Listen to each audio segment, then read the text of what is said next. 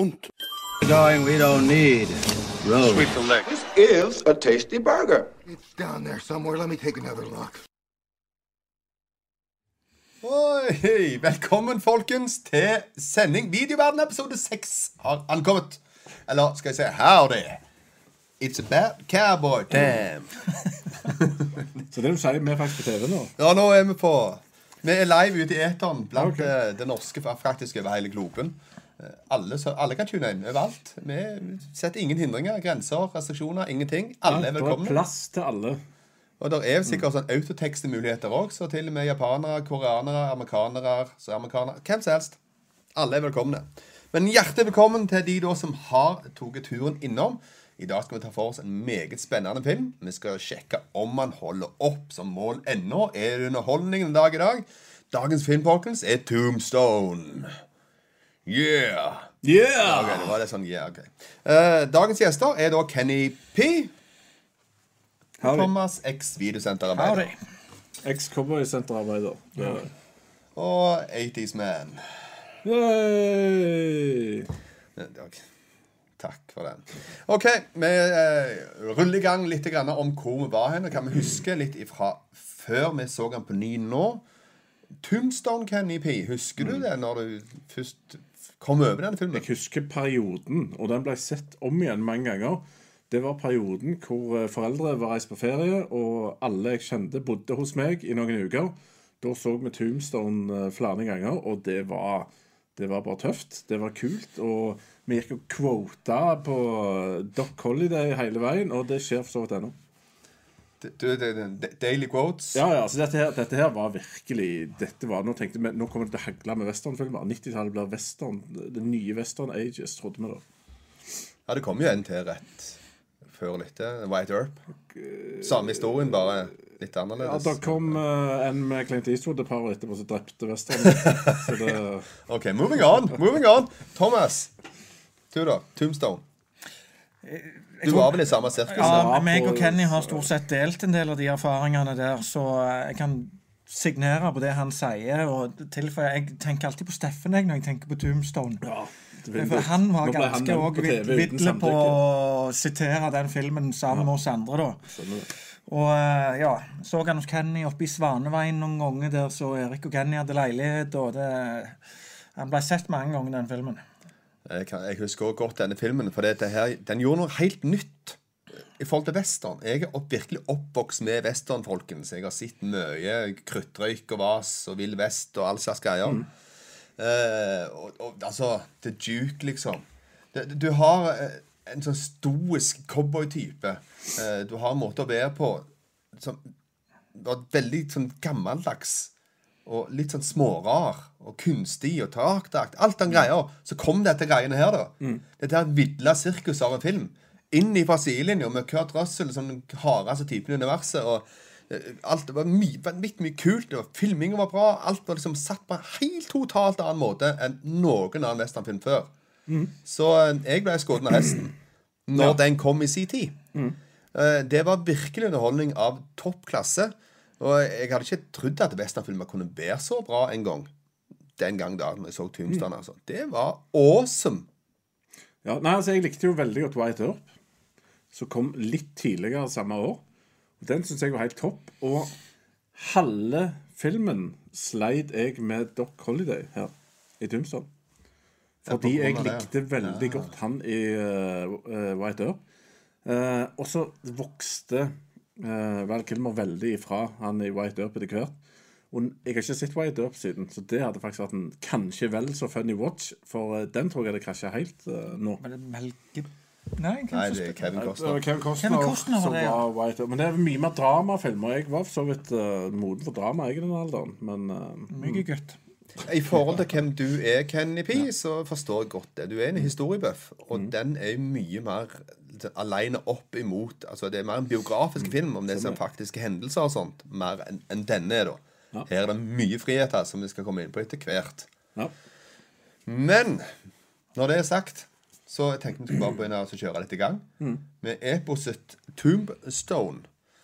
Da tar vi oss og finner fram plottet, folkens. Så skal jeg forklare litt hva filmen starter med. I 1879 rir en gjeng med lovløse, kjent som The Cowboys, ledet av Curly Bill Broches, inn i en meksikansk by og avbryter en lokal politioffiser sitt bryllup. De ender opp med å slakte hele gjestefølget bestående av flere politimenn, som hevn for at to av deres gjengmedlemmer ble henrettet av dem. Den lokale presten advarer The Cowboys mot at deres handlinger vil føre til en hevn av bibelske proporsjoner, hvor han refererer til apokalypsens ryttere ifra Bibelen. Det er starten på filmen. Det er ikke lange pedene av, av plottet, men det er verdt å ta tak i. Det er starten. Jeg å starte med liten. Ja, det, det var det. Det var det gjort. Ja, min, min farfar fact. Min farfar, når han ble født, så var det kortere tid siden dette her hendte, enn uh, siden 70-tallet for meg. Det er ganske sykt. Skal vi, skal vi havne der nå? Nå har vi havna der. Det bare slo meg Skal vi Gjøre hjernen min grøt med en gang? det, det bare slo meg at far, farfar min faktisk eh, Faren hans eh, var in his prime på likt med White Så, Nice. Sånn er det. Men uh, Sånn er det. Yes, det er Mexican-greiene. Jeg hadde enorme vipper når jeg så det Mexican-greiene når de slakta disse her folka og spiste bryllupsmaten deres etterpå. Jeg følte jeg har sett akkurat det samme i en eller annen Clint Eastwood-film. Kan det være The Good, The Bad and Ugly, dere som er på restauranthylla? Altså, Jeg husker det ikke, men jeg fikk jo vippa til Kill Bill. Ja. Du har jo i hvert fall wedding og Ja, Det har du på en måte Red Wedding der òg. Det er masse døde folk huset ser som så vidt overlever det. Er det noen som husker Jeg mener det var sånn Mexican slaughter i begynnelsen av en eller annen av de der klassiske Eastwood-filmene. i hvert fall. Ja, Det er nok mye mulig. Bare det at de brukte en halvtime på å fortelle det samme. Men selve begynnelsen på filmen Mm. Det syns jeg var litt svakt her og der. Mm. Eh, Spesielt da på en måte action her er litt sånn Når, når folk blir skutt, da, at de Mm. faller på en måte tre meter bak en vegg og alle de der Mm. gamle måtene å lage westernfilmene på, det, det var veldig gjennomskinnet. I begynnelsesscenen. Det var ikke sånn etter hvert, egentlig. Men til å begynne med så var det veldig det. Okay. Jeg vet ikke om jeg la merke til så mye annet at det, jeg følte det var litt sånn jevnt sånn hele veien. Men det er for så vidt greit, for mange av mine favoritt-actionfilmer fra 90-tallet har det til felles at folk fyker Alvorlig. har ei Og- kule. Ja, og det er litt festlig. Det, det er gøy. Det ser mye gøyere ut. Og så smeller disse pistolene her ut av håndkanoner. Det er jo fantastisk. Det er jo håndkanoner. Ja, ja, brrr, sier det. Ja, det var alvorlige smell. Stemmer det. Eh, Og det er for så vidt sant, da. Altså, lydbildet av en pistol, eh, real life, er jæklig høyt. Ja, det kanskje. smeller virkelig høyt om ørene. Litt plagsomt når en ser film. Altså, Jeg syns det var litt for høyt i forhold til dialogen, så jeg sleit litt. Jeg måtte holde på opp og ned på volumet og greier. Hver gang det kom noen skudd og greier, så bulda det hele huset. Men jeg forstår det jo, og det fungerer nok i en kinosal. Da smeller det. Men du har jo mye oppbygning i den, de scenene der eh, Du har jo dette her med han eh, som skal være meksikaner, som får kritikk for at han ikke er så god i spansk av eh, Johnny Ringo. Så prøver å oversette det her presten sier. Da bygger de opp det hele greia her med å fortelle dette her eh, eh, Beware the pale horse, on its at death and hell Ja, came ja, ja. with them. greier. Så det er det begynner kult allerede der, altså, å blande inn bibelske greier. Og, Ja, det er foreshadowing 101, dette her. Det, det er det ikke tvil om. Og, Og de er beinharde. De dreper alle folka, og så dreper sakte bruden, og så er de brudematen og, og ler og har det gøy. Jeg syns det var episk introdusering av John Ringo eh, her. Han kommer på en måte ut av skjermen. Mm. Og Michael Bean han har sin sjarm i denne filmen. altså. Han syns han leverer en veldig god rolle. Eh, Jeg syns det var litt svakt av Powers Booth her, da, som Curly Bill. Eh, Det var litt sånn det var, Han var sånn, litt sånn maniac killer til å begynne med. Etter hvert som han litt mer jovial altså? type. Ja, Men jeg følte ikke det. det, det var den vippen jeg satt med helt i begynnelsen. At ja. her skulle vi ta rennefart for å liksom vise at vi er bad guys. Ja, altså, Johnny jeg, Ringo så fungerte det. jeg følte vel mer at han var Altså, det var jo en hevn, dette her, så han var egentlig bare fornøyd med at det ble Altså, jeg, jeg, jeg så ikke helt på han som en sånn kaklende Darth Vader. eh, Nei, nei, nei, nei, nei langt ifra. Men, eh, men det med Johnny Ringo det er veldig kult, for han kommer veldig fort fram med at eh, han er ikke bare en steinhard killer, men han er en lærde steinhard killer, og det er jo alltid litt kult. Så får jo Val Kilmer enormt mye skrøt for rollen her, inkludert av yours truly.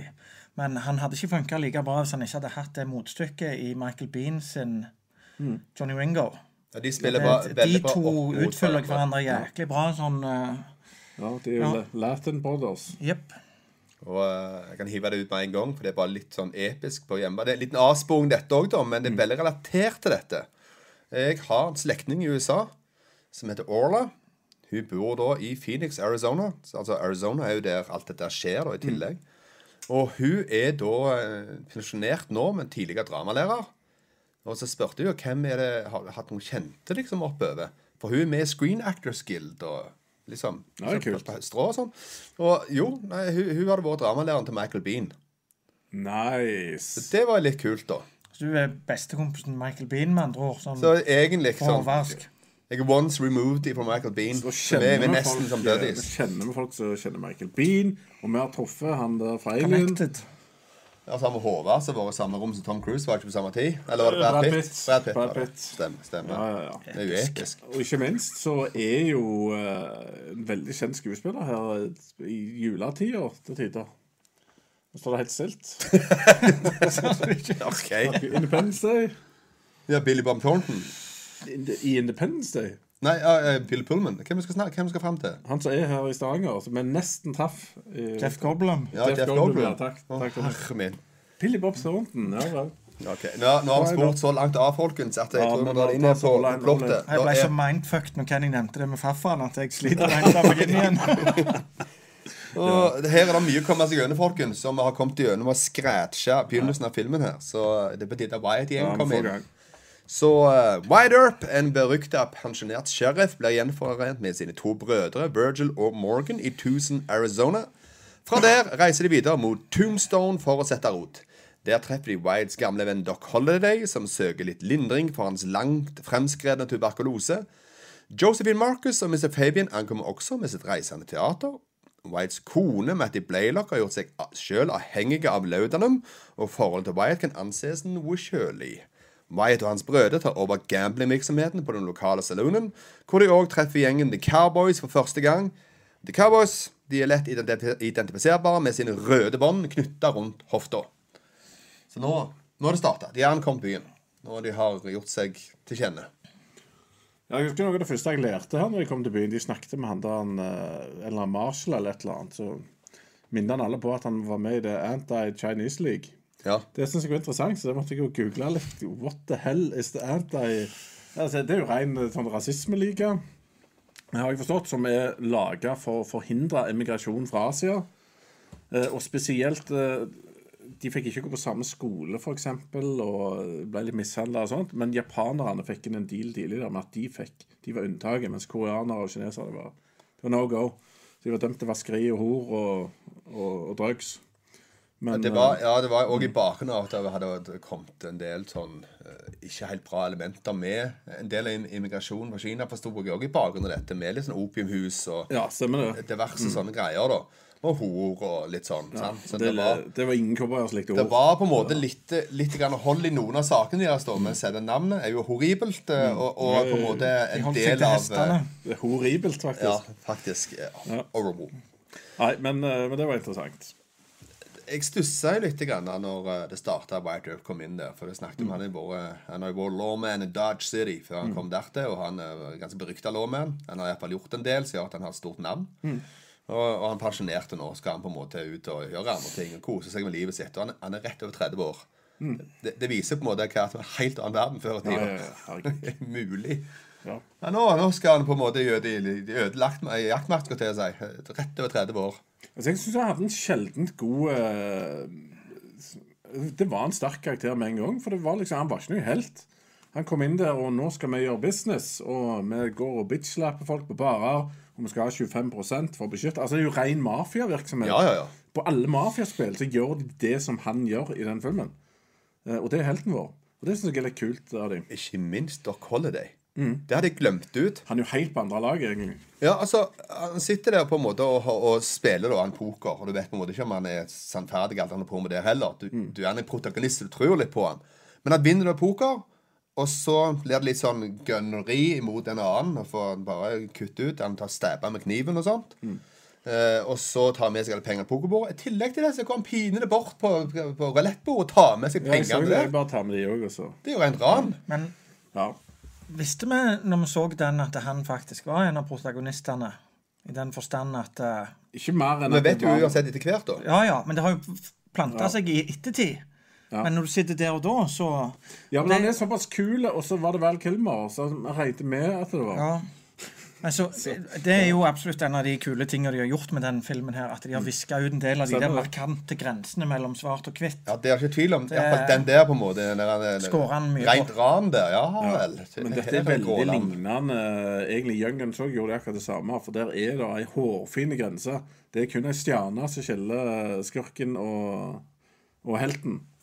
Eh, Selv om, Ja. eh, og, og de bytter om på de stjernene fram og tilbake òg, godt under filmene. Stjernebytte. Ja, Litt og i sånn. selve den OK Corral-scenen så er jo de med stjernene de verste, nærmest. Men Ja. de har stjernene på. Jeg tror i de verste minibyene der på den tida så tror jeg de hadde storleken når de skulle ha sheriff. altså. Omtrent, Eller- for å unngå å bli sheriff. Flasketuten. Ja. eh, Kan formelig høre at nei når en ble valgt, stakkar. Og den som var edru, som fikk jobben. Ja, det var cirka det. Jeg må jo nevne, da, eh, for det var litt kult, at det var Bill Bob Thornton som var han dealeren som ble hevet ut. Chubby dealer som ble Ja. bitch-slappa. Om det var du som ikke visste det før lenge etterpå, at det var Billy Bob Thornton For jeg, jeg, Jeg vet ikke. Jo, jeg føler det var deg. Men jeg var ikke så særlig kjent det heller for lenge men jeg, jeg visste det var han fra helt tidlig av. For jeg var jo jævlig fan av den Slingblade-filmen han så som kom Ja. midt på 90-tallet. Riktig. forskjellig.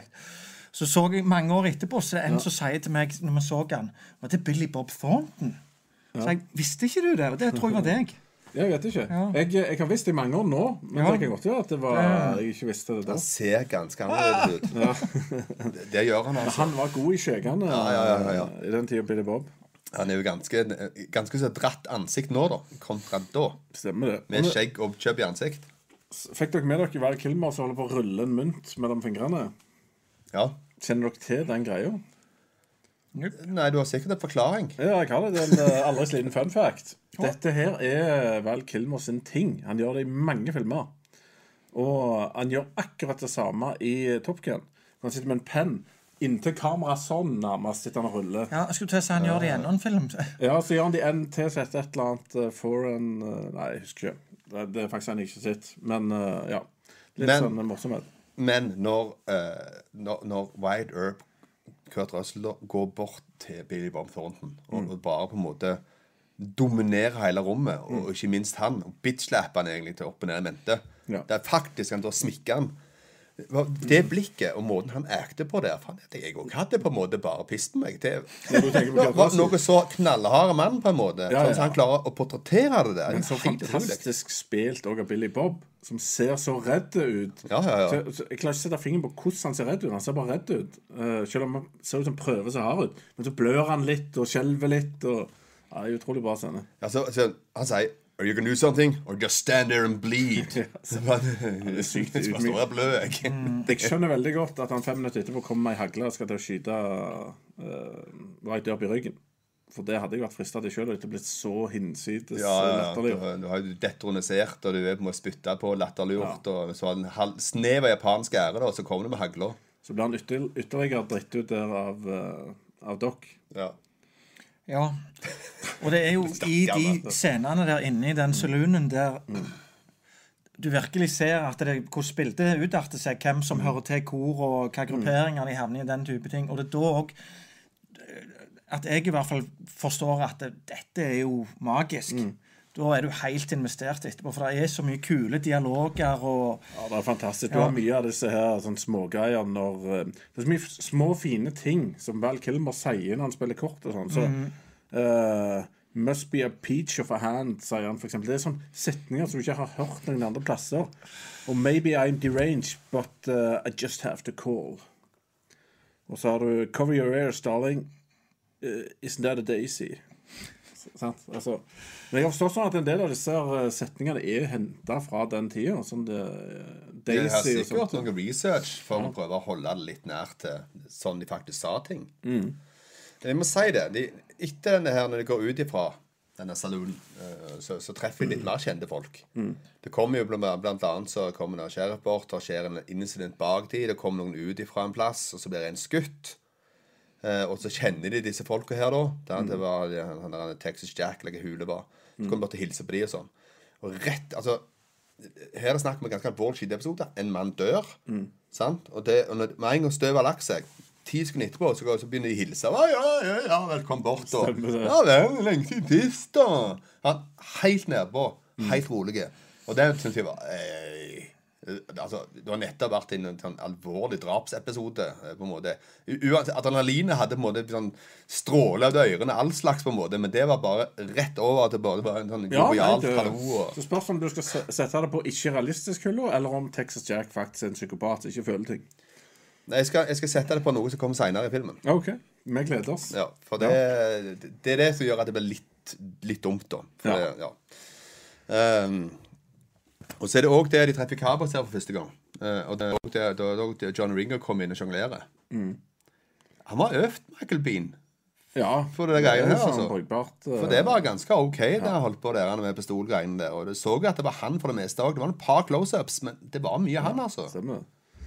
Men jeg vet ikke hvor vanskelig det er. Jeg, Jeg har ikke jeg har ikke prøvd nøyaktig på det. Jeg har prøvd med koppen. Eh, Det prøvde vi aktivt etter. Du må nok i hvert fall øve litt. For Det at det skal se bra ut, i hvert fall. Men, men det så egentlig litt dumt ut til lenger han holdt på. Jeg tror jeg har Ja, prøvd på det der begynte med det, når jeg var liten med Ja, begynte det, det så litt dumt ut. Og det syns jo Val Kilmer òg, når han Ja, det, heiv seg fram med koppen. det ble vist at du gjorde det akkurat litt for mye. Det, det ble bare dumt etter hvert. Så. Stemmer det. Men eh, en liten fun fact, da. Fra den tida der. Da var det ikke sikring på pistolene. Det er jo en kul ting. Og det er jo kjekt når de holder på å spinne deg foran trynet. Og, Så Wide Earp hadde alltid bare fem kuler i pistolen. ja. første kammeret. Så Det var et eh, tomt kammer der han hadde pinnen, på en måte, sånn at det ikke skulle bli ulykker. For det var veldig vanlig med ulykker. I bakgrunnen av at det ikke var ikke sikring. Så det var bare en liten bang. Så Ja, var det liksom, var jo en det var ulykke live ja. konstant. Så det er litt sånn bad shit. ja, Curly Bill hadde jo ei ulykke i fylla, så Ja, ja, ja. Det, er- sånn skjer fort. Jeg husker det som et veldig grovt eh, overfall, men det var jo ei rein ulykke. Ja, altså han jeg nå. Ja, Ja. stemmer det. Han var jo lei seg etterpå og angra alt, og så kom stygge White og bare murer han i bakken. Det er for jeg, Han var ute og koste litt med opiumet de, og pistolene er jo dårlig lagt, og det er jo ikke men ikke hans hvor, feil. hvordan henta den der stilen han gikk i det? Han trippa liksom. Så, så, så holdt gunnerne sånn opp ned. Det var for en greie. Ja, Nei, det, det er ikke enkelt å si. Eh, skal vi se Jo, han eh, møter jo òg Josefin der. Ja, det er hun skuespillerdama. Skuespillerdama, ja. Eh, og det, det er òg der I denne her sekvensen her, da, som ikke er skrevet på ho- plotting, så treffer de hverandre på hest og rir rundt omkring og sånt. Jeg syns de var svak som fly. Det var så ekstremt pusha inn der. For at han skulle ut og ri og treffe henne helt randomly ute på hest, og så rei de Altså, når, treffer Når det mye skjer randomly på ekte. Men, eh, men når du har de antennene ut som du har, så selvfølgelig blir det Men, men det er ikke en sterkere scene i filmen. Det er ingen tvil om. Nei, det var ikke, ikke Det var helt OK, sånn sett. Det var bare at det var litt vel sånn konstruert, følte jeg, da, i forhold til å bygge opp dette her med at det skulle være Men er ikke dette 100% sann historie? Eh, Jo da, stemmer det. Helt, helt 100 110, faktisk. Det jeg syns var litt Det var helt greit med den biten der. Det som var litt dumt med det, det var når han kom tilbake til kona og begynte å, begynte å bable om roomservice og greier med hun. Ja, men han hadde sant? For, Du må huske på at de hadde en annen uh, slags trofasthetsfølelse. Du, Du, det var litt Men jeg tenker ikke på det. Jeg tenker på karakteren Wyatt Earp og hans verdier og ting og tang. Så var det på en måte at han så lett ble besnæra av roomservice-ting. Den knallharde sheriff-typen. Det var bare sånn Ja, ja, men du husker Han var litt på jakt etter å settle down, han her. sant? Så Han var litt, litt konfliktet. Eh, Det er iallfall det jeg tok ut av det. Og, og så hadde han fått litt følelser fra hun dama. Ville gjerne uh, Syntes dette hørtes slap-off ut, og så ville han egentlig escape litt med hun som han egentlig var sammen med, fordi at eh, Ja, det var den rette tingen å gjøre. Men hun var jo eh, altså, Hun hadde de- de allerede ikke- hun. Han har jo basically bare funnet hun som prostituert en plass og tatt det første og beste han fant. Og så var det ikke noe connection, så de der skulle aldri vært sammen. Nei, men sånn er det av og til. Ja, Skal vi gå videre? Ja, For da kommer det til å skje mye mer. kjør på, Edgeman. OK. Trykket i byen øker, og Wyatt blir pressa til å ta affære med Cowboy sin lovløshet, selv om han ikke er mann av loven lenger. Curly Bill, etter et besøk til opiumhuset, skyter vilt rundt seg i byen. Han ender opp med å ta livet av den lokale marshal Fred White. White arresterer da Curly Bill etter å ha slått han bevisstløs midt på gata. Arresteringen gjør resten av The Cowboys forbanna. Curly Bill ble brakt foran retten, men er funnet ikke skyldig grunnet mangel på vitner. Virgil, som ikke takler graden av lovløshet i byen, blir Tombstone sin nye marshal, og med dette innfører ny lov om at byen nå er en våpenfri sone. Denne nye loven fører til den berømte gunfight at OK Corral. hvor Billy Clanton, Tom McClory og Frank McClory blir drept. Virgil og Morgan blir skada, og alliansen med fylkessheriffen Johnny Behan og The Cowboys kommer til overflaten. Som hevn for drapene blir brødrene til Wyatt offer for snikangrep. Morgan blir drept, mens Virgil ender opp med å bli handikappa. En resignert Wyatt og hans familie forlater Tombstone og gjør seg klar til å reise bort derfra med toget. Eh, Ike Clanton og Frank, Still Frank Stillwell forlytter de og gjør seg klar for bakangrep. Wyatt han ser sin familie reise av gårde i sikkerhet før han snur seg og overrasker sine forfølgere. Han tar livet av Stillwell, men lar Clanton leve for å avlevere en beskjed. Wyatt åpner sin frakk og viser at han nå er en US Marshal, og deklarerer at alle som blir sett bærende rødt bånd, vil bli drept på stedet. Wyatt Dock, Wyatt Dock en reformert cowboy, Sherman McMasters, Texas Jack Vermillion og Turkey Creek Jack Johnson har nå dannet et jaktfølge for å eliminere The Cowboys. Ja. Det var litt. Da var filmen ferdig. Ja, det er en hel seanse til, men eh, pluss, pluss, pluss. Bare Liten spoling tilbake der. Sånn det, var det vanlig med det sånn massiv skyting i teater mens vi ser Faust? Tydelig, tydeligvis. eh, Jeg tror, jeg tror det var litt, bitte litt over det topp. Bare for Ja. sånn grindet inn på en måte at her var det litt for mye pistoler og helvete på gang. At du trengte noe opprydning i byen. Stemmer det. Og kontrastfullt at du har Jason Presley fra Beverly Hills. Jeg skulle spørre, er det han? Ja, det er han. Ja, ja, som, det, eh, som hadde litt sånn eh, gay feelings for Billy Zane. S- Også kjent som Fantomet og skurken i Titanic. Stemmer det? Ja. Så det var Men, det det er Og jæklig mange i sånn bitte små roller Ja. som er jæklig kjente i denne filmen. Ja, det er Det så. er ikke bare de liksom som får mye kameratid, men mange av de som er innom litt av og til. Og, Kan jo nevne på at det var Michael Rooker som Sherman McMasters. Ja. Er han fra Days of Thunder, Walking Dead og Guardians. Uh... Charlton Heston. Charlton Heston har du innom. Stephen Lang er jo ikke, er jo ikke lett å kjenne inn, igjen inni skjegget der. Er det, stemmer det. Ja. Ja, det stemmer. Det, Fra, fra ja, ja, Avatar, Avatar og, de og mm. ja, og til den nyeste halvskrekkfilmgreier òg, der, eh, der eh, han er blind. Og så har du han eh, bror til andre Clanton. Det er jo han fra så skurken i George of the Jungle, av alle ting. Det var ungene mine som kjente igjen. Og jeg, jeg har tenkt så lenge Hvor er det jeg har sett den der fjotten der? Han med den blå, Ok. blå skjorta. Ja. så, nei da. Sånn er det. Å, herre min. Uh, jeg må si det. Nå kommer den tilbake igjen, den her godeste uh, situasjonen med at disse her som var så nedpå etter han nettopp har drept en mann midt i gata. Fordi at uh, Wyatt Earp snakker da med sine brødre, Virgil og Morgan, om eh, dette her på en måte med rise to the occasion og bli en lawman igjen, etc., som Virgil tenker på tydeligvis og sånn. Og så sier han da til Virgil, som har andre, andre livsopplevelser enn Wyatt har, at uh, Trust me, på en måte. Du vil ikke oppleve det som går med på det å drepe en mann, liksom. Det er helt jævlig, og det havner en plass du ikke vil bare Altså, det det er ganske sånn doom ting å si, og det er ganske tunge ting å si. Så det er på en måte en helt annen vridning av det de ellers viste på en måte med action og hallo og hei sann eh, rett før. Der alle var veldig calm og var fine bare nettopp på en måte. Det, det var ikke bare de to som kom som hadde skutt. Det Resten av gjengen som sto der, var ganske avslappa forhold til alt. Så det var litt, de snudde på flisa og plutselig tok det inn i en helt annen retning. Og Ja, det var litt sånn I, i filmens eget univers da, så var det litt sånn Jeg skjønner hva du mener, men det er jo om andre gjør det, så betyr det ikke at du har lyst til å ha den følelsen. Sant? Du har gjerne ikke den empatiske følelsen, selv om du sjøl ikke syns det er kjekt å drepe folk. Nei, for, det, for film snakker jo til oss når, når en sånn ting blir sagt i forhold til karaktervirkning og sånn. Så det bare, jeg følte at det var litt sånn conflicting messages skjønner- det gikk i- filmen sjøl, på en måte. Skjønner jeg sier det. Den var litt sånn strange. Men selve denne showdownen, da, når det er det tre mot 60 cirka, som skyter? Noe sånt? I antall? Ja, det er jo i hvert fall fire som kommer side ja. om side i Tombstone-formasjonen. der har du Tombstone-formasjonen, uttrykket, Ja. som dukket opp. Eh, og det må jeg bare si, de scenene der, der er det en fantastisk klassisk western-nerve. For Du har denne sinnssykt oppbyggende og kule musikken. eh, og det er filming av øyne som Ja. eh, glimter litt, og Og litt og der får du òg den følelsen at det, her er det en som mister kontroll over nervene, og så eskalerer det. Stemmer det. Og så glir kameraet over ansiktet på dem, så ser du på Doc Holiday, så bare blunker han til det. Ja. Til Thomas Hayden Church. Vet du. Og da, da går mine og hans ifra litt sånn halvveis sånn Og så hører du bare fra White Dub Oh, shit. det var det. det var det gjort. Nå er Det det er fascinerende òg, for i den tida altså, Det er jo ikke noen range på disse gunnerne. De står jo basically på sida av hverandre og sikter. Sant? Ja. En meter ifra hverandre. Det er fantastisk. Og sånn var det. Det er Det er. Vindskjeip som fly. Det er, Ja, ja, ja. skyter jo så ubeint så det går an, cirka.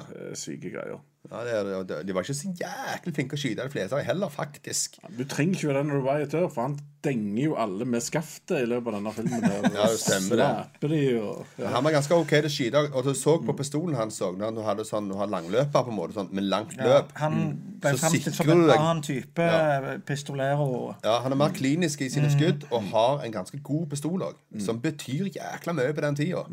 For der var det mye grums. Ja, mye rart. eh, Og han var jo òg berykta for det at han var den som var iskalde.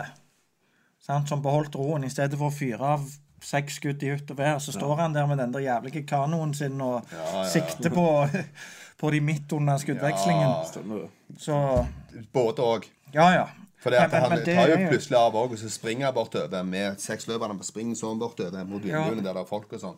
Eh, og Doc Holiday han var òg den typen som var ganske vill når det kom til det. Ja, På grunn de av at han var dødsdømt. De sier jo òg det i den The Making of angående White Earp, med at, at han er Det var det han var, liksom, som Mm. var hans karaktertrekk. At han var sånn iskald under press i Ja, det enhver han. situasjon. Han, han var totalt fryktløs. Men han har ikke noe å tape. Nei, men altså var han også på en måte en som bare fyrte av gårde. Med alle som bare sprang inn i Han bare fyrte av gårde. Fordi at han var fryktløs, og han var liksom dødsdømt. Mm. Da gjør det til en veldig farlig kriger i, i sånne settinger. Ja, for han var egentlig tannlege. Ja, stemmer det. Derfor er han dokken kommet. Ja. Stemmer det. han var klinisk, kanskje. Jeg skal komme med en liten sånn En bitte liten kritikk her, da. Ikke så stor, men en liten en. Og det er når han sheriffen blir skutt. Så kom det en musikk der som jeg fikk helt sånn eh, at Nakkehåret reiste seg. Ja. Det var omtrent som at nå kom Dracula. Ja, jeg vet hva du mener. Jeg liker den. Det, Ja. What the flying Det var så Det rart, er syns ekstremt dramatisk. Ja, det var, så, det var omtrent som at det var Kniven kom gjennom på, på, på eh, den Psycho, liksom. Ja, ja, ja. Det, ja, det var OK. Det var, det var bare feil, syns jeg. Ja, riktig. Ja. Det ble feil type dramatikk. Det, det var omtrent som var skrekkting. I don't know. Det, det var det, det rubbed me the wrong way. Jeg da. vet veldig godt hvilken tone det er. Så ja, jeg skjønner den. Ja, det, jeg reagerte i alle fall. Uh, og så er det den tida, da. OK Corral. De har nettopp skutt rundt uh, halve byen. I hvert fall en del folk ligger døde igjen. Og det har vært en forferdelig hendelse, egentlig. De skjøt jo òg inn der hun Josephine var. Så kom hun ut etterpå, når støvet har så vidt lagt seg, og så står hun der pent og smiler. Ja, jo, liksom, det er òg sånn Det er jo liksom bisarre greier etter alt det som nå har skjedd her. Ja, så den i det. En av de verste episodene som har vært i byen der nå, sikkert. På, så lenge byen har vært der, og så kommer hun ut og bare på flørten. Bare, Hun har egentlig stått der inne og omtrent blitt skutt i hele hun òg. Så det var litt sånn Så gjerne folk var tøffere før. Jeg, jeg vet ikke. Nå er jo du 80's-man, mens jeg er jo 1880's-man. Å ja, Så jeg vil ikke ha ja. noe av at du sitter der og prøver å plukke filmene mine fra hverandre. Det, ja, det går litt under lupen da. nå. En ser litt etter andre andre ting når, når en ser en øyne på, på ny. Men nå må vi hive oss på uh, scenen der uh, Kurt Russell ja, Den som jeg og deg har faktisk remaka med hjelp av Thomas og kameramann. Den kommer jo i øyeblikk, da. ja. Du har lest den? Nei. Har du? Jo, det har jeg. Stemmer det. Det har jeg jo. Når han sier at det, er der med. Hell is coming with me. er? Ja, Ja, ja. Stemmer det. Ja, Da har du Eik Clampton som ligger der, og Ja. uh, Kurt Russell tar med sporene i halsen og holder talen. Snitter opp litt, Noen som klarer å gjengi talen, eller? Nei, det Du har jo gjort det allerede. Du kan sjekke ut en eller annen Ja. Skunt julekalenderepisode når vi gjorde det. Stemmer det. Vi har den liggende ute på Skont julekalender. Der ligger det en episode der vi da har gjeninnspilt akkurat den scenen. Bare vi forandrer noe med dialogen, da. rett Gjort opp, om til rett opp det som var feil, gjort Ja, forbedret ja, ja stemmer. Vi har forbedret, forbedret versjon. Hvorfor ikke det var en del av denne introen her? Det må du spørre teknisk om. Ja, nei, det burde jo ha vært med. eh, Men sånn er eh, det. det Ja. gikk i den vanlige glemmeboksen til Skunt. Men, men det er jo et viktig spørsmål. Holdt den scenen opp, Thomas? I dag? Ja. Ja. Tell them I'm coming. And hell's coming with me. Det er veldig dramatisk, men, men det er jo tøft, altså. Ja, ja, Det ja. det. Hell's coming with me, you hear? Det er For måten de meget filmer du det også på, så tror du at han er på toget. Ja, og så kommer Ike Clanton og de skal skyte dem, og så dukker han opp bak dem og liksom Ja. At det er litt sånn eksmakende-type ting, men du må jo se litt helheten i det òg, da. Så, så det er ikke sånn veldig mange ting i filmen som jeg føler er totalt feil ut ifra helheten. Det er én ting som jeg virkelig ville retta på den filmen hvis jeg kunne, men det skal jeg komme tilbake igjen etterpå. ja, jeg tror det er samme tingen. Det blir interessant. å. Jeg gleder meg, for jeg har en alvorlig en. Men, eh, men ja. Men er vi klar for en fun fact, eller? Ja, Jeg har en skikkelig en. Skyt. Eh, noen som vet hvem Adam West er? Ja. Og vet dere han har det felles med Val Kilmer? Er begge spilte Batman. Begge spilte Batman. Men den virkelige fun facten det er at uh, Val Kilmer ble oppdaga i denne filmen til å spille Batman. Ja, det kan jeg forstå. Eh, Adam West ble oppdaga i sine tre portretteringer av Doc Holiday til å spille Batman. Uh, så Doc. Holiday er en måte veien inn i Batman, Batman. altså. Stemmer det. De var det Ben Affleck spilte Doc Holiday. Det, det er ikke på Om det TV-movie. Nå ja, OK. Ja, det, noe, kanskje. Ja. Nei, så da fikk vi den ut. Å, herre Så mer, som- mer som en joker, en ond joker, da, i den Tombstone, egentlig. Ja, han gjorde strengt tatt det. Han gjorde det. OK, skal jeg uh, kjøre videre med Ja, men han, har også kommet til at han, eh, når de jakter på dem nå Det er det vi skal gå inn på Det nå. er det vi skal inn på nå. Ja, nei, men da Da kjører vi i gang med jakten. OK. Yes. Altså, Wyatt og hans jaktfølge blir overrumplet ved et elveleie av The Cowboys. Wyatt han vandrer inn i elven og på mirakuløst vis unngår all fiendtlig ild, mens han sjøl tar livet av Curly Bill og mange av hans menn. Johnny Ringo overtar ledelsen for gjengen og søker ut jaktfølget idet de tar en pust i bakken grunnet Doc sin forverrede helse. Han utfordrer Wyatt til duell for å gjøre ende på hele saken. Wyatt han aksepterer utfordringen, men det er Doc som kommer Wyatt til forkjøpet og tar livet av Johnny Ringo i en duell. Etter dette fortsetter jaktfølget med å ta livet av de resterende cowboys. Ike Clanton han overlever ved å kaste fra seg det røde båndet og dermed tilhørigheten til The Cowboys. Etter dette blir Doc sendt på sykehus i Colorado, hvor han senere dør av sin sykdom. Og etter Docs oppfordring velger Wyatt å finne Josefine igjen for å starte et nytt liv. The end. Ja, altså, denne filmen hiver seg jo på en god gammel eh, 80-talls-ting å gjøre. Montasje. En montasje. Eller compilation. Shooting compilation der. Den er, den er, den er ikke heist. Ja, vet du hva jeg, jeg vet ikke hva jeg skal si. Altså, Du ser jo ikke det på film i dag. At det er bare masse kul musikk, og så rir de rundt og gir seg high fives til hverandre mens de skyter folk. og Det er, rett, rir gjennom hus. Og... det er bare dårlig. Ja. Det er enkelt og greit bare dårlig, av veldig mange grunner. Mm. Den fremste grunnen er at eh, altså, Wyatt Earp sin Vendetta Ride Så er det fire navngitte personer som ble drept. På ekte. Ja. Okay. Her, her slakter de på fote. Det er på en måte hel gjeng før de treffer de på elva, og en hel gjeng etterpå. Ja, men det må ikke du hive deg på historisk korreksjon? Altså, Nei, nei er men, men nei, det er ikke, ikke det som er viktigst. Men poenget er at eh, de kunne ha tatt, gjort to rette valg der. Det kunne ha gått litt mer inn mot det historiske med antall folk. Og så kunne de bygd det mye tettere opp imot det. Og lagt altså, litt mer historie rundt det istedenfor bare en montasje drevet masse folk. Jo, jo. Og lagt litt mer spenning i det. Og, litt, mer, kan si, litt mer etterforskning. Eller at vi, at vi, må gå etter de der og der, og litt mer, kanskje litt mer dialog. Istedenfor det greien de gjorde. For så vidt enige, Føltes tomt. Men dette her skulle bare være tøft. Ja, det, Ja. ja, det var liksom det de prøvde på, da. Eh, og det var nok tøft, mye mer tøft da Ja. enn nå. Nå føltes det litt, bare litt cheesy. Ja, hva, hva syns du, Thomas? Nei, når du snakker om tøft, så vil jo jeg snakke om shootouten uh, med treet. Det er jo episke scener når Johnny Ringo står der og venter og tror at her er det Wyatt Earp som kommer og full kontroll, for han vet at han er raskere enn han på avtrekkeren. Og så kommer Doc Holiday der likbleike og daudsjuke og jævlige og Johnny Ringo, you look like somebody just walked over your grave. Er det ikke det han sier Stemmer, han kommer? Stemmer det. Så ser du bare hvordan fjeset på Michael Bean bare blir nesten like bleikt som Men det er ikke først som han Holiday sier. sitt. Sier jo den I am your huckleberry. Mm. Og så trer han ut av Ja. Han sier jo òg at 'this is not between you and me'. Så sa han 'play for blood', remember? Og alt Stemmer, det ja, der. ja. Det er episk. Ja, det er fantastisk, Ja, det er fantastisk ja, ja. dialog og utrolig tøft. Og hva skal du si, god face-acting av Johnny Ringo. Han Ja. ser redd ut uten å se redd ut, på en måte. Ja, han gjør det. det ja, Michael Bean gjør en kjemperolle i denne filmen. Det er fantastisk. Jeg skjønner ikke hvorfor han uh, Eller alle i denne filmen ble jo ansatt i Deadwood etterpå, har jeg forstått, men eh, Litt av måten de har satt opp den gunfighten på det med at de nærmest går litt i sirkel rundt hverandre, i stedet for at de står sånn 40 meter ifra hverandre, sånn quick in the dead, og så Stemmer det. ja, stemmer det. Det, Det, var, det virka veldig realistisk, Ja, akkurat det virker mer naturlig. Ja. Eh, Men det her er jo bak, kun i bakgrunn av research rundt det, da. Så er det nok ikke så veldig troverdig. Men, men det var jævla Nei, men det, det overraska meg faktisk. Eh, Hvis jeg får Nei, det går imot eh, Altså, det de tror på en måte som kan ha skjedd, da Det er jo mange versjoner av hva som kan ha skjedd med Johnny Ringo, for det er ingen som vet det. Eh, det er at han ble funnet på en måte med at det var mangla ei kule i pistolen hans. Eller det var avfyrt ett skudd, og han hadde ett skudd i hodet. Og han hadde gått i mange lenge da og snakket om å ta livet sitt. Så det var en av tingene med det ble funnet på den måten. Eh, Og så har det på en måte spunnet historier rundt at han hadde folk etter seg, da, som Doc Holiday og Wyatt Earp. Og så er det på en måte forskjellige versjoner av hva som kan ha skjedd. Eh, og hvis du går inn på Doc Holiday, da, som, og i forhold til MO og hvem han var, så var det fort at eh, når han først løsna skudd, så løsna ikke ett. I, i sånn, sånn klinisk nøyaktighet, sånn assassin-type ting, da.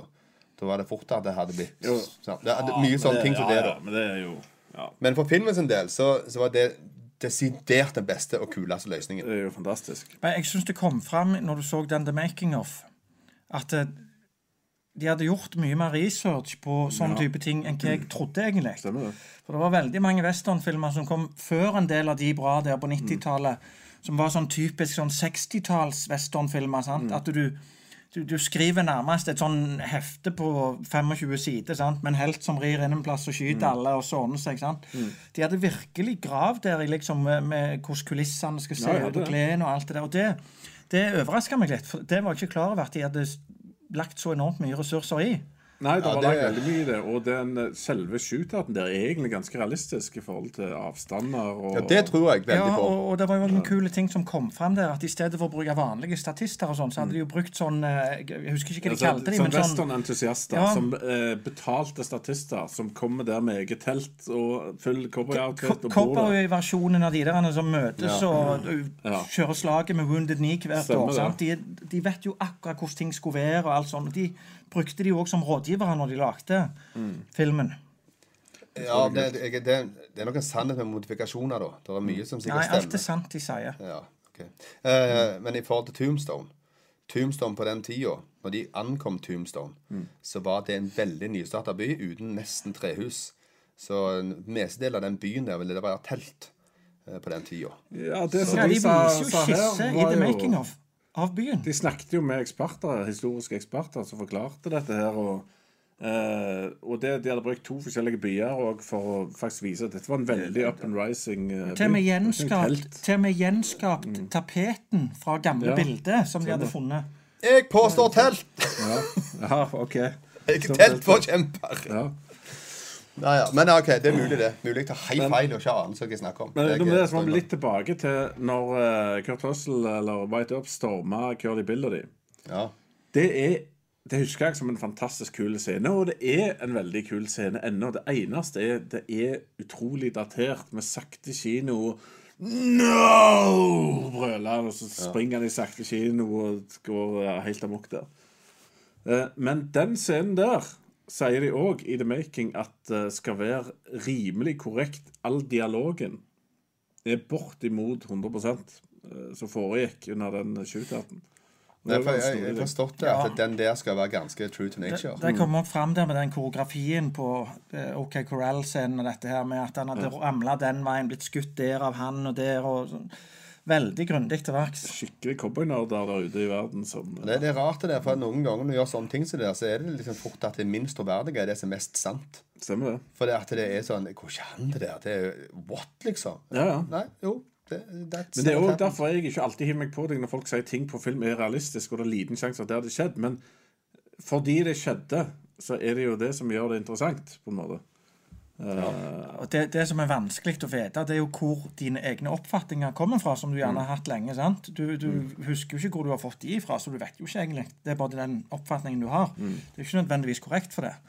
Så en skal være litt åpen for at uh, ting gjerne ikke er helt sånn som en trodde. Og så har du doktor Doc sine siste ord. That's funny. Ja. Vet du hvorfor? Ja, altså, jeg har jo forstått ut ifra litt research da, at det nok handler om at han eh, eh, det var vanlig å daue med skoene på fordi at eh, du stort sett ble skutt eller ramla utfor et eller annet, eller segna om. Det var veldig sjelden å daue i senga. Altså En viking hadde jo klikka hvis det var sånn han døde, da. Men uh, dere var veldig fornøyd med det. Så ut. Jeg elsker den setningen der. For det er, du må researche den for så hva den er. Ja. da er, det, da er det ganske kult, egentlig. Ja, det er kult, og så er det, det er veldig underliggende. Og som du sier, du, han gir deg ikke noe gratis. Nei, det stemmer det. Og så er det sånn som fort skjer på ekte òg. Altså når folk dør, eller så, Det er en veldig random kommentar for folk flest. eh. Så Jeg planlegger ikke hva de skal si, liksom. Siste Lagt, lagt, lagt et par hundre talen, liksom. Plinge glasset og Nei, det, jeg ser det. Altså, Du ble jo fort litt grøt i hodet. Så første gangen jeg hørte den setningen, tenkte jeg OK, de har bare fått til at han har, blitt grøt i hodet. Så, men uh... Men OK, jeg må ta opp det som skjer helt på slutten. Helt, helt, helt, helt på slutten. Ja, det mener jeg bare vi hater. Jeg tror nesten ikke trenger å si det en gang. Ja, det er Jeg syns jo at film burde slutte når dere dør. Det syns jeg. Da, det hadde vært greit å slutte der. Det, det som var problemet Jeg fasa helt ut. Jeg fikk ikke med meg noen ting omtrent. Og jeg pleier jo liksom å være glad- ganske klar og skal få meg alt. Men jeg bare fasa helt ut. Jeg begynte med det Josephine-greiene. sånn. Jeg Bare, og ta ta telefonen. Det var helt irrelevant. Var Jeg har fortrengt at det eksisterer. Verken det eller alle disse faktuelle kommentarene som kom etterpå, som på en måte egentlig underbygger at dette er en biografi som det ikke er. De Ja, tingene er var litt sånn de Der kommer den som jeg sliter mest med, som topper det for meg, som jeg virkelig misliker. Og det er sånn De tre siste ordene i filmen blir sagt av Robert Mitchum, er det vel, som kommer inn som fortellerstemme, høres det ut som. Og han sier 'Tom Horn wept'. Og det er så jævla cheesy, akkurat det der. sant? Og da bare uthever den det som har skjedd de siste to minutter, som du bare har lyst til å glemme. Så den vil jeg ha strøket fra Ja, jeg er for så vidt enig, men i hva slags verden er det ikke verre når han står med Josephine, og de begynner å danse, og det kommer sånn superhappy superhappy musikk som ikke passer inn i denne filmen i det hele tatt, og så sier de 'room service', og så danser de What? Hva gjør det i denne filmen? Nei, de skulle slutte når dere. Det er ferdig snakka. Det er det verste jeg har sett. Jeg snakk om å sause Kan, det kanskje bare altså. blikket mellom Kurt Russell og Josephine. That's it. Det kunne vært nok. I beste Liksom. fall, de kunne bare åpne døra og sitte på den andre, så Ja, stemmer. Det var ferdig nok. Så det, det der var bare kødd og helsike. Ja, merkelig, merkelig Dis, avgjørelse. Disney-ending. ja. Ja. I ellers ikke Disney-film. Nei, det var litt snodig. Er det lagd noe sånt Directors Cut av han? Ja, han daua jo i 2005. Ja, Få en annen direktor til å kutte vekk det der på slutten. Vet dere hvorfor Robert Mitchum Jeg bare var stoppa filmen. Vet dere hvorfor han var fortellerstemmen? i Jeg begynnelsen? Hvem er Robert Mitchum nå igjen? Det hørtes så kjent ut. Det, det er jo han er- fra eh, gamle skrukkefjes, skulle jeg til å si. Fra sånn uh, ikke riktig sagt. Filmatisert i der han uh, kalde krigen-greiene. Winds of War er han vel ganske kjent fra. Å ja, han, ja. Ja. Ja, han, ja, ja. ja. Men, Men han, han eh, skulle spille i filmen. Egentlig. Han skulle Ja. egentlig være Old Man Clanton, som var den egentlige lederen for uh, The Cowboys. Det var ikke han Billy, Billy Curly, Curly Bill. Det var egentlig Man Clanton som var på en måte den the main cowboy. Mm. Men uh, den rollen ble da og Han skada seg, så han kunne ikke spille den filmen. Så rev de om den rollen nå til at mye av hans kommentarer ble Han gjort har jo en karakterer. fantastisk fortellerstemme, da. Sånn. Ja, men det var greia. Absolutt. Men uh, en av skuespillerne vi ikke nevnte helt? Hva syns dere om Bill Paxton sin rolle her? Han lurer seg jo, han har spilt i alle episke filmene som fins. Han er jo så anonym som han klarer å bli. Ja, jeg, jeg syns faktisk at han er jo gjerne den beste av de skuespillerne som fremsto verst i filmen. For han er litt sånn, han klarer liksom ikke helt å, å spille den der veike, litt sånn annerledes typen enn de andre, så han faller litt gjennom, syns jeg. han forsvinner litt, egentlig. Ja. Men, eh, eh, men så Altså, hadde, jeg syns jo at du hadde, du hadde Vir Vir Virgil, uh, Wyatt Earp og Bill Paxton. Det var liksom det, Han var på en måte ikke helt noen Morgan, han. Altså, det var ja. Men eh, OK, en trivia, quiz eller noe. Si en film som dere syns Bill Paxton har virkelig levert varene i. Eh, han er, jeg syns han er OK i Titanic. Og grei i uh, Apollo 13. Jeg skulle til å si Apollo 13. eh, Men han er Men, en stor eh, skuespiller. Han er ikke noen Men jeg stor liker han. Han ser ut som en grei Ja, fyr. han er veldig likende fyr. Det samme som Twister òg. Det er på en måte hans film, liksom. sant? Det eneste han egentlig er det, er bare likende kar. Det er ingenting med mer. Bill Paxton. Ja. Han spiller, Ja, ja. han spiller hovedrollen i Twister, som på en måte er hans største film. Twister. Sam Elliot òg er vel ganske jo, men det er hans største film, for det er han som har hovedrollen. Sam Elliot er vel òg ganske mye Sam Elliot. Ja, han er ekstremt Sam, men han er veldig god Men, Sam men han Elliot. passer greit nå, for han er ikke så veldig mye sånn involvert. Men Sam Elliot passer veldig godt til å være Sam Elliot i Ja, den type filmer. han For det, det. det, Det det er Sam ikke mange som er bedre til å være Sam Elliot enn Sam Elliot. han er- Men, men den Sam Ellioten passer veldig godt i western. For å si sånn, han er Sam Hvis de noen gang skal lage film om Sam Elliot, så vil jeg absolutt Sam vurdere Sam Elliot. CGI Sam Elliot må jeg ta. Men eh, du har jo han både i Stars Star Born han helt like, i Roadhouse han helt like, i denne han helt like, og i den der komiserien er han helt like. Så det er Ja. Plasser hvor du trenger bart og skarp Texas-dialekt. Mørket så- stemme. Ja. Så Ok. men jeg liker han. Da nærmer det seg eh, at vi får lov til å gå og se på hva folk har sagt til oss i denne verden. Er det noen folk, da? Ja, det er lite grann. Ja. Eh, Eivind han har sett vår anmeldelse av The Jungle Book for 2016, og vi ga den en ganske god score. Mm. Eh, syns vi den filmen holdt opp imot originalen?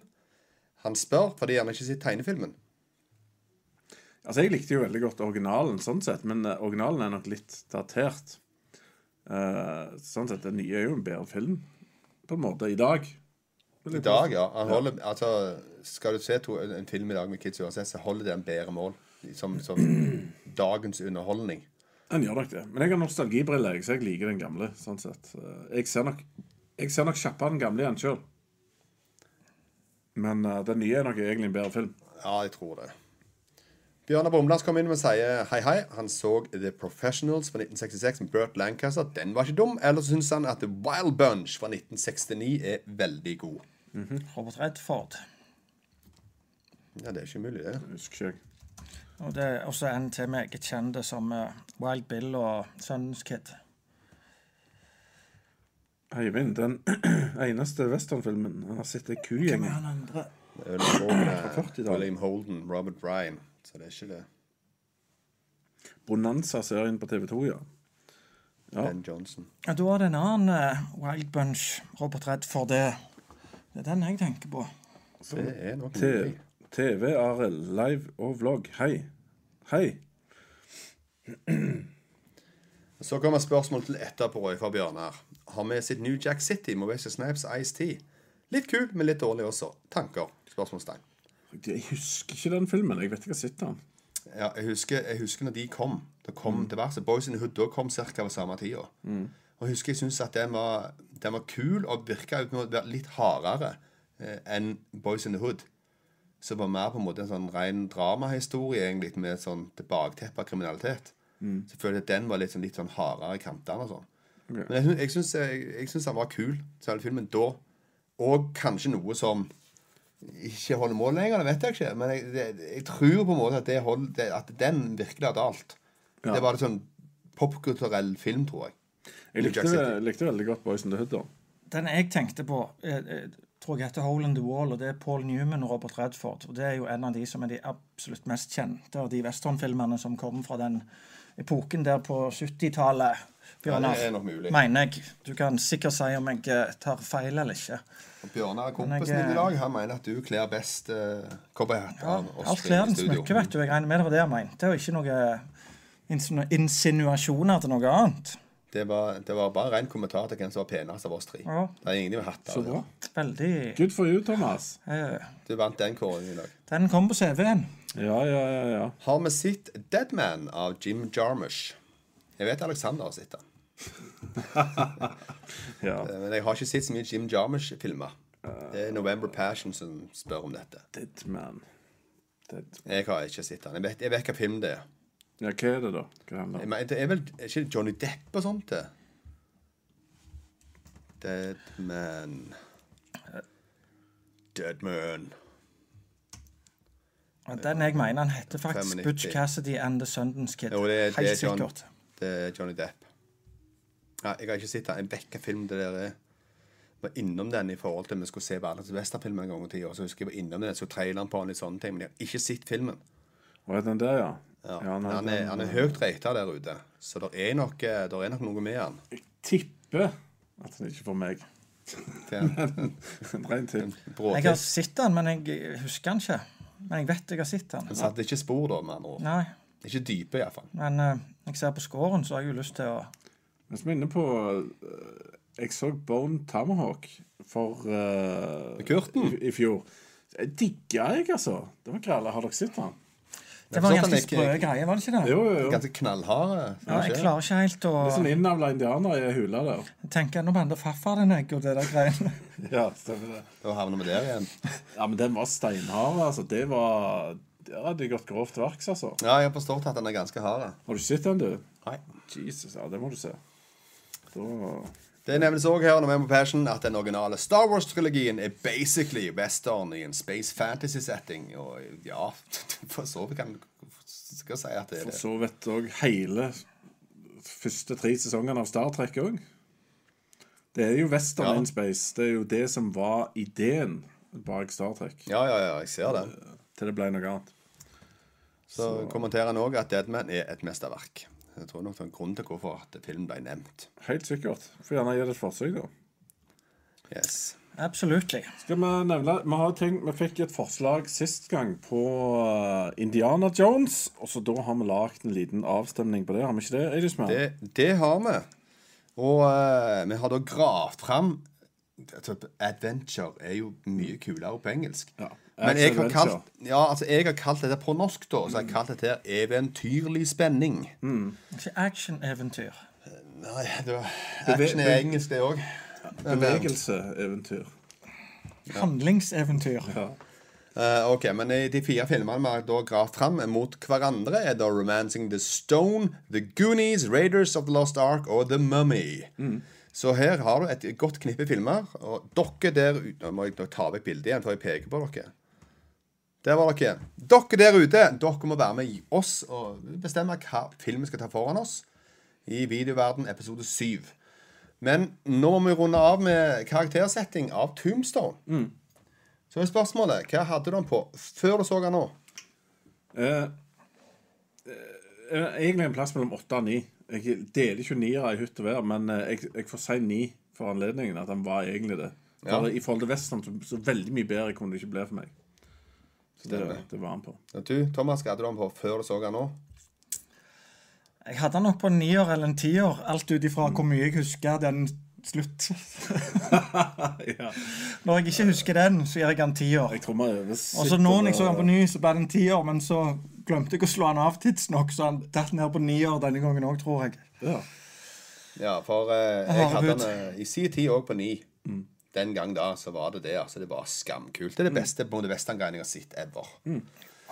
men så er det nå, da. Er du fortsatt akkurat der, eller har det skjedd noe?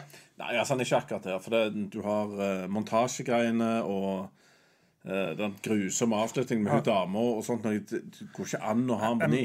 Hvis du plukker ut det beste fra han, så er det ti av ti mange av de Ja, ja. og ting og dialogene og sånn. Men eh, musikk og det utrolig kule, fargerike galleriet av folk og kule skuespillere og enkeltscener, så gjør det at det ennå er en solid åtter, iallfall.